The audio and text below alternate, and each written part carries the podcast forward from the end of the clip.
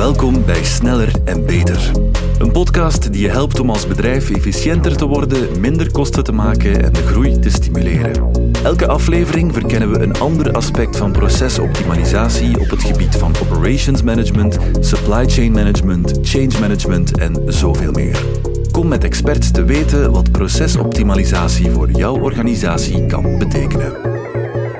Ik ben Sarah van de Vijver, vragensteller van dienst en vandaag hebben we het over artificiële intelligentie. In Sneller en Beter halen we verschillende topics aan die je als maak- of servicebedrijf helpt om te digitaliseren en over het algemeen je processen sneller en beter te maken. En AI kan je er hiermee helpen. Om het concept beter te begrijpen heb ik vandaag twee collega's uitgenodigd, Diederik Hallink en Thomas van Buren. Goedemiddag. Goedemiddag. Kan je jezelf even kort voorstellen? Ja, ik ben uh, Thomas van Buren. Ben in 2021 uh, onderdeel geworden van Nine Altitudes. Heb zelf een achtergrond in uh, logistiek binnen productiebedrijven. En mijn hart voor data en kunstmatige intelligentie of AI is geboren op het moment dat ik in mijn studie bij een groot maakbedrijf in de productiehal nou ja, een onderzoek mocht doen naar de procesoptimalisatie. Toen mochten wij met een mooie stopwatch rondom de productielijn lopen om uh, ja, te zorgen dat we konden meten wat er in het proces gebeurde. Nou, en daar heb ik toen gezegd van dat moet makkelijker kunnen. We kunnen data ontsluiten. En van daaruit eh, ben ik ooit het bedrijf Hillstar gestart, wat inmiddels onderdeel geworden is van Nine Altitudes, waarin wij eigenlijk alles rondom het thema data en AI oppakken. En binnen Nine Altitudes ben ik verantwoordelijk voor go-to-market op het gebied van AI. Oké, welkom. Diederik? Ja, ik ben uh, Diederik Hanning. Ik ben al een uh, tijdje actief binnen uh, Nine Altitudes, maar eigenlijk de voorbije jaren vooral gefocust, ook zoals Thomas, binnen onze go-to-market. En dan heel specifiek rond het productportfolio dat wij inzetten om de zogenaamde digitale rode draad bij onze klanten te implementeren. Dus welke bouwblokjes hebben we nodig van onze strategische partners Microsoft, PTC en Tulip? Wat vullen we aan met andere third parties? Wat vullen we aan met eh, eigen ontwikkelingen? Om eh, zo tot een mooie end-to-end verhaal specifiek voor de verschillende industrieën van onze klanten eh, eigenlijk te komen. Ja. Het onderwerp van vandaag is AI. Een begrip die de laatste jaren toch meer en meer aandacht heeft gekregen. Niet alleen op recreatief vlak, maar ook op professioneel vlak begint het alsmaar meer door te sijpelen. Het is een concept dat voor velen nog heel fluffy en vloe soms is. Dus hopelijk kunnen jullie tijdens deze aflevering vandaag AI wat verduidelijken. Laten we beginnen bij het begin. Thomas, wat verstaan wij eigenlijk onder AI? Nou, laten we dat eens proberen dan een beetje de mist daarom eh, weg te nemen. Kijk, als je AI, als je de, eh, de eerste krant openslaat, dan zie je eigenlijk dat eh, AI bijna in iedere krant wel voorkomt. Nou, dat betekent dus ook dat het een heel breed begrip is. Maar als je het echt gaat afpellen, dan hebben we het eigenlijk over de computer, die menselijke taken kan gaan overnemen. Dus dat betekent eigenlijk heel concreet dat de computer nou ja, kan gaan nadenken over nou, bijvoorbeeld een procesoptimalisatie. Vanuit grote sets aan data gaat zorgen dat we bijvoorbeeld een tekst kunnen gaan schrijven. Maar ook bijvoorbeeld een machinepark kunnen gaan optimaliseren. Nou, dus als je hem even plat slaat, is het eigenlijk de computer die menselijke taken kan gaan overnemen. Oké de afgelopen jaren heeft AI aan meer aandacht gewonnen. Dus AI is ook wel gegroeid in die jaren. Wat is het groeipad van AI? Ja, AI dat is niet iets wat uh, in de laatste jaren ontstaan is. Het uh, bestaat eigenlijk toch al wel een jaar of zeventig. Alan Turing begon eigenlijk met de Turing-test. Het was ergens in 1950, 1952 dat dat geweest is.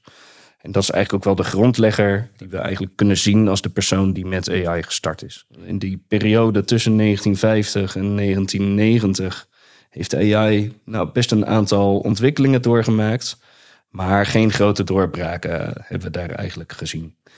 Nou, toen kwam in 1997 en iedereen uh, zal hem wel herkennen. Onze uh, vriend Kasparov, die uh, ja, een groot schaakmeester is. Ja, en hij werd verslagen door AI. En dat was uh, ja, de computer Deep Blue. 1997 was dat, dus best al wel weer even geleden. En dat is eigenlijk het moment waarop we nog zo'n mooi begrip machine learning voorbij hebben zien komen. Nou, en toen zijn we nog weer een stapje van tien jaar gaan maken. En eigenlijk in het verlengde van machine learning hebben we daar deep learning uh, gezien. En deep learning is het moment waar uh, Lise Dol, ook een grote spelletjesmeester, hij is een persoon die uh, het spelletje Go speelt.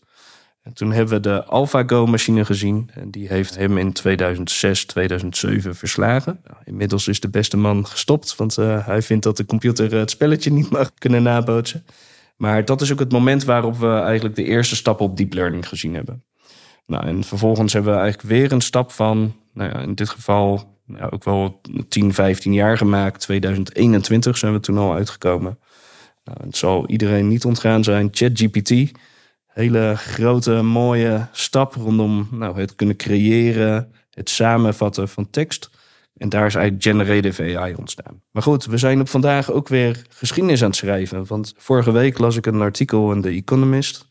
Waar Satya Nadella, de CEO van Microsoft, ook een spel gaat spelen. Ik noem het even het pokerspel. Hij is all in gegaan.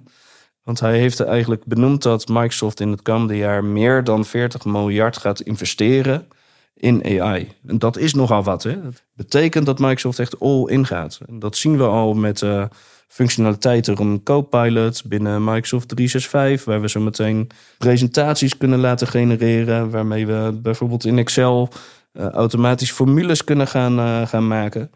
Dus we gaan zien dat AI nu echt een stap heeft gemaakt.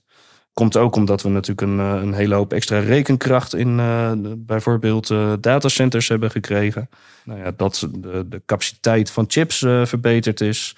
Dat alles ook een stuk goedkoper geworden is, waardoor we ook ja, op een veel grotere schaal met data om kunnen gaan. En ik denk dat we nu echt op een moment zijn geraakt waar nou, AI misschien een beetje overhyped is, hè, waar we het de laatste tijd wel eens over hebben maar wel in een nieuw normaal terecht gaan komen.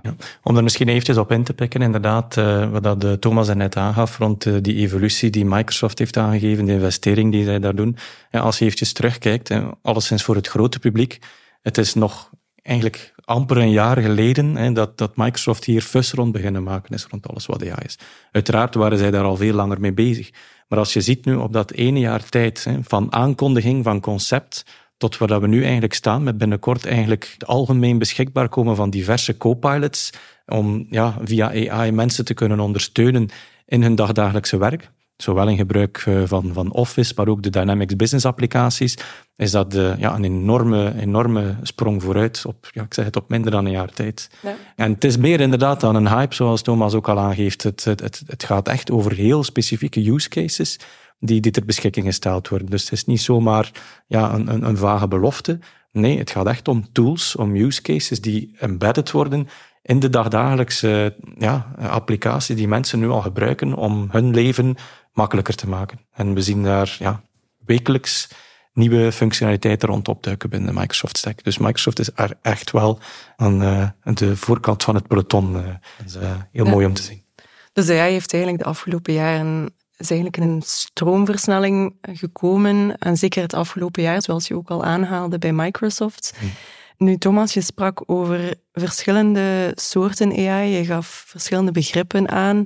Is er een overzichtelijke manier waarop onze luisteraars een beter beeld kunnen krijgen rond AI? Zijn er typisch AI? Kan je AI indelen in bepaalde categorieën? Ja, er zijn verschillende manieren om dat in te delen. Maar om het uh, makkelijk te houden, praat ik graag over narrow AI over general AI en super AI.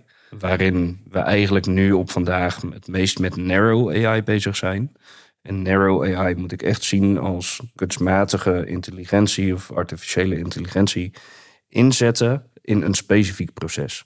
Ja. Nou, en dat kan zijn in de maakindustrie, bijvoorbeeld uh, op het vlak van uh, product design en development, kan zijn over optimalisatie van productielijnen. En zo zijn er tal van use cases waarin narrow AI eigenlijk toegepast wordt. Kijken we echt naar general AI, dan hebben we het eigenlijk over het inzetten van AI, nou ja, all over the place. Hè? Dus in zoveel mogelijk processen in je organisatie uh, toepassen. Nou, gaan we naar super AI kijken, ja, dan heeft eigenlijk de machine de mens al overgenomen. Nou, en dat is iets waar we volgens mij nog niet naartoe moeten willen met z'n allen, want AI is zo goed als de data is, zeggen we altijd maar nou ja, en op het moment dat jij met uh, foutieve data de computer kan gaan beïnvloeden, ja, dan uh, worden we daar denk ik in bepaalde gevallen nog niet helemaal uh, gelukkig van. Maar ja, juist de toepassingen, bijvoorbeeld in de medische industrie, hè, in bijvoorbeeld onderzoek met artsen. Hè, kijk, daar kan de arts samen met de machine een veel betere beslissing nemen. Ja. Ik denk dat dat woordje samen is key in heel het verhaal. Het is daarom ook dat, de, om terug naar Microsoft te gaan, over Copilot spreekt. Dus het is niet de, de AI die, die alles overneemt en autonoom eigenlijk beslissingen gaat nemen.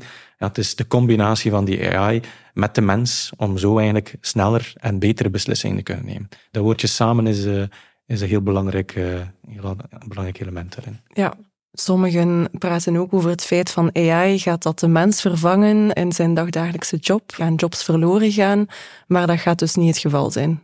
Jobs gaan veranderen. Mensen gaan hun werk anders moeten invullen. Ze gaan minder bandwerk uh, moeten een uh, tijd spenderen. Ze gaan geholpen worden. Dus ze gaan zich meer kunnen bezighouden met de creatievere zaken. Ja. Maar het zal zeker de manier van werken gaat het enorm veranderen gaat werk verdwijnen. dat, uh, dat denk ik niet. We gaan het anders invullen. Ja. ja, want juist daar noem je een belangrijk punt, hè? creativiteit. En dat is iets waar AI op dit moment nog niet zo heel erg goed in is. Kijk, uh, AI werkt op basis van data, hè? dus iets wat al bestaat. En op basis van die data zorgen dat er een beste voorspelling uh, eigenlijk komt. Hè? Dus stel je voor, ik heb 100 boeken, die lees ik in de machine in. En op basis van de boeken kan de machine eigenlijk gaan bepalen wat het beste volgende woord is. Nou, dat is eigenlijk hoe een, een large language model of ChatGPT uh, ook wel werkt. Maar goed, vanuit die hele bak aan data ja, moet je uiteindelijk ook wel gaan zorgen dat de data consistent is. En vooral dat is denk ik ook wel heel belangrijk. Hè? Zometeen in de processen die wij ook met onze klanten invullen. In de basis start het met data. Is je data niet goed en niet op orde, ja, dan uh, ja, wordt het al heel lastig om de juiste resultaten uit een AI-model te gaan krijgen. En juist de stap van de creativiteit, en dat is waarom jij ook net zei, hè, van het samen doen. Juist die creativiteit, die brengen wij als mens nog steeds in, in de machine. Dus gaat AI ons allemaal overnemen? Nou, dat zal nog best even een, eh, een tijd gaan duren voordat we zover zijn. Maar je gaat wel zien dat in bepaalde sectoren zal het best zijn dat AI gaat zorgen voor wat banenverlies. Of dat mensen in ieder geval hun tijd op een andere manier kunnen gaan besteden. Ja. Waardoor we efficiënter aan de slag zijn. En dat is ook nodig, hè? want we zien de war on talent de laatste tijd. Uh, ja, het is lastig om de juiste mensen aan boord te krijgen binnen bedrijven. Hm.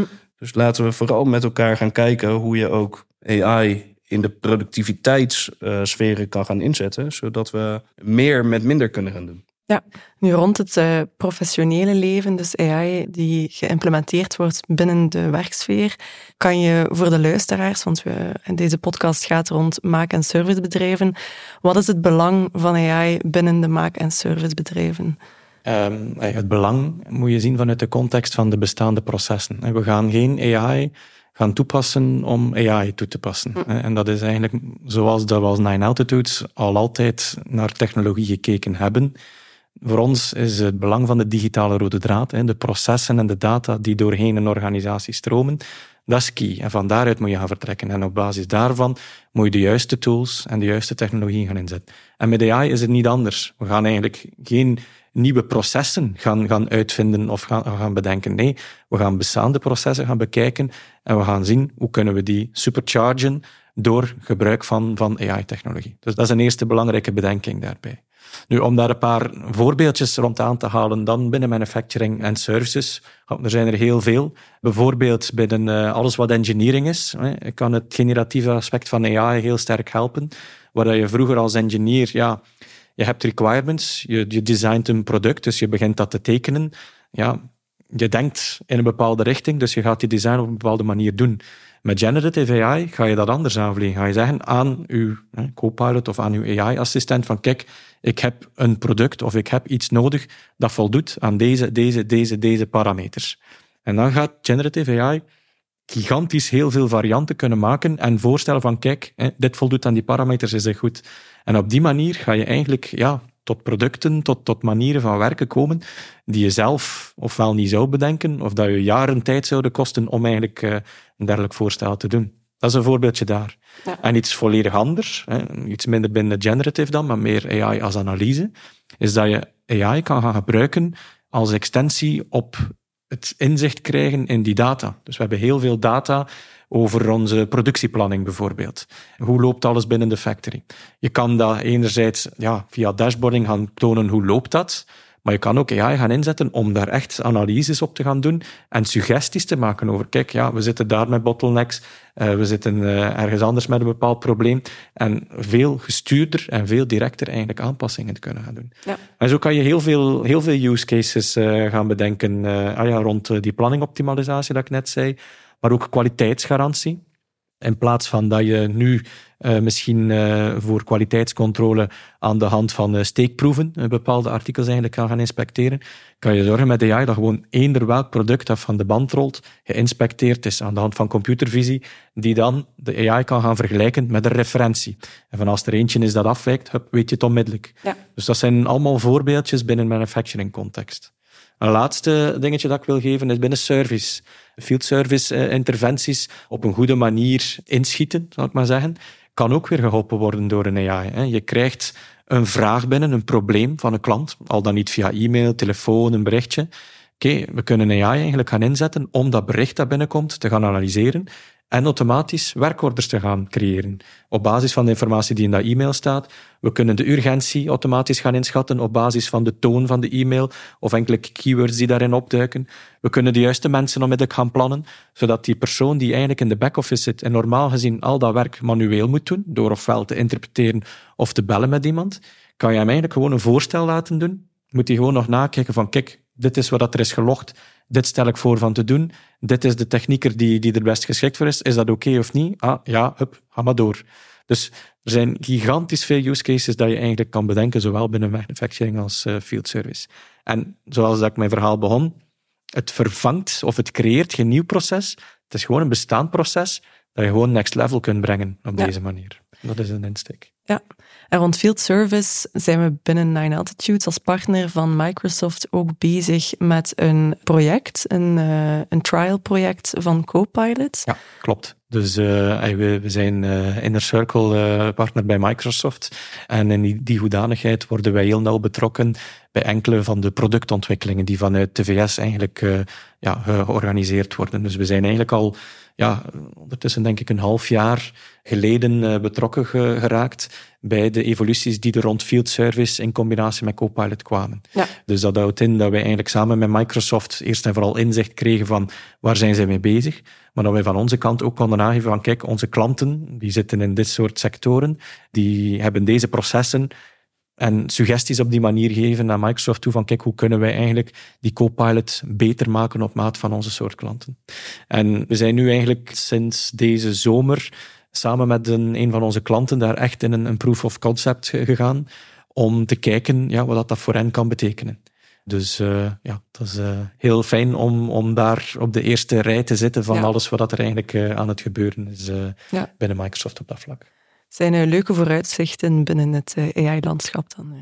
We zijn ondertussen ook aan het einde van deze podcast gekomen. Bedankt voor het fijne gesprek alvast. Ondertussen hebben we ook een beter beeld rond AI, wat het is en wat het belang is voor maak- en servicebedrijven. Tijdens de volgende aflevering gaan we ook dieper ingaan op AI, maar dan eerder rond uitdagingen, opportuniteiten en de implementatie van AI binnen de maak- en servicebedrijven. Maar voor nu ronden we dus hier af. Bedankt en tot de volgende aflevering. Dankjewel. Dankjewel Sarah, het was leuk om hier te zijn uh, vandaag. Wens je meer informatie rond AI? Ga dan naar onze website of klik op de links in de comments van deze aflevering. Bedankt voor het luisteren.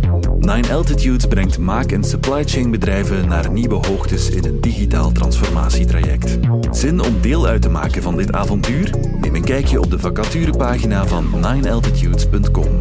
Er zit ongetwijfeld een interessante job voor jou tussen. Abonneren op deze podcast doe je gratis in jouw favoriete podcast-app.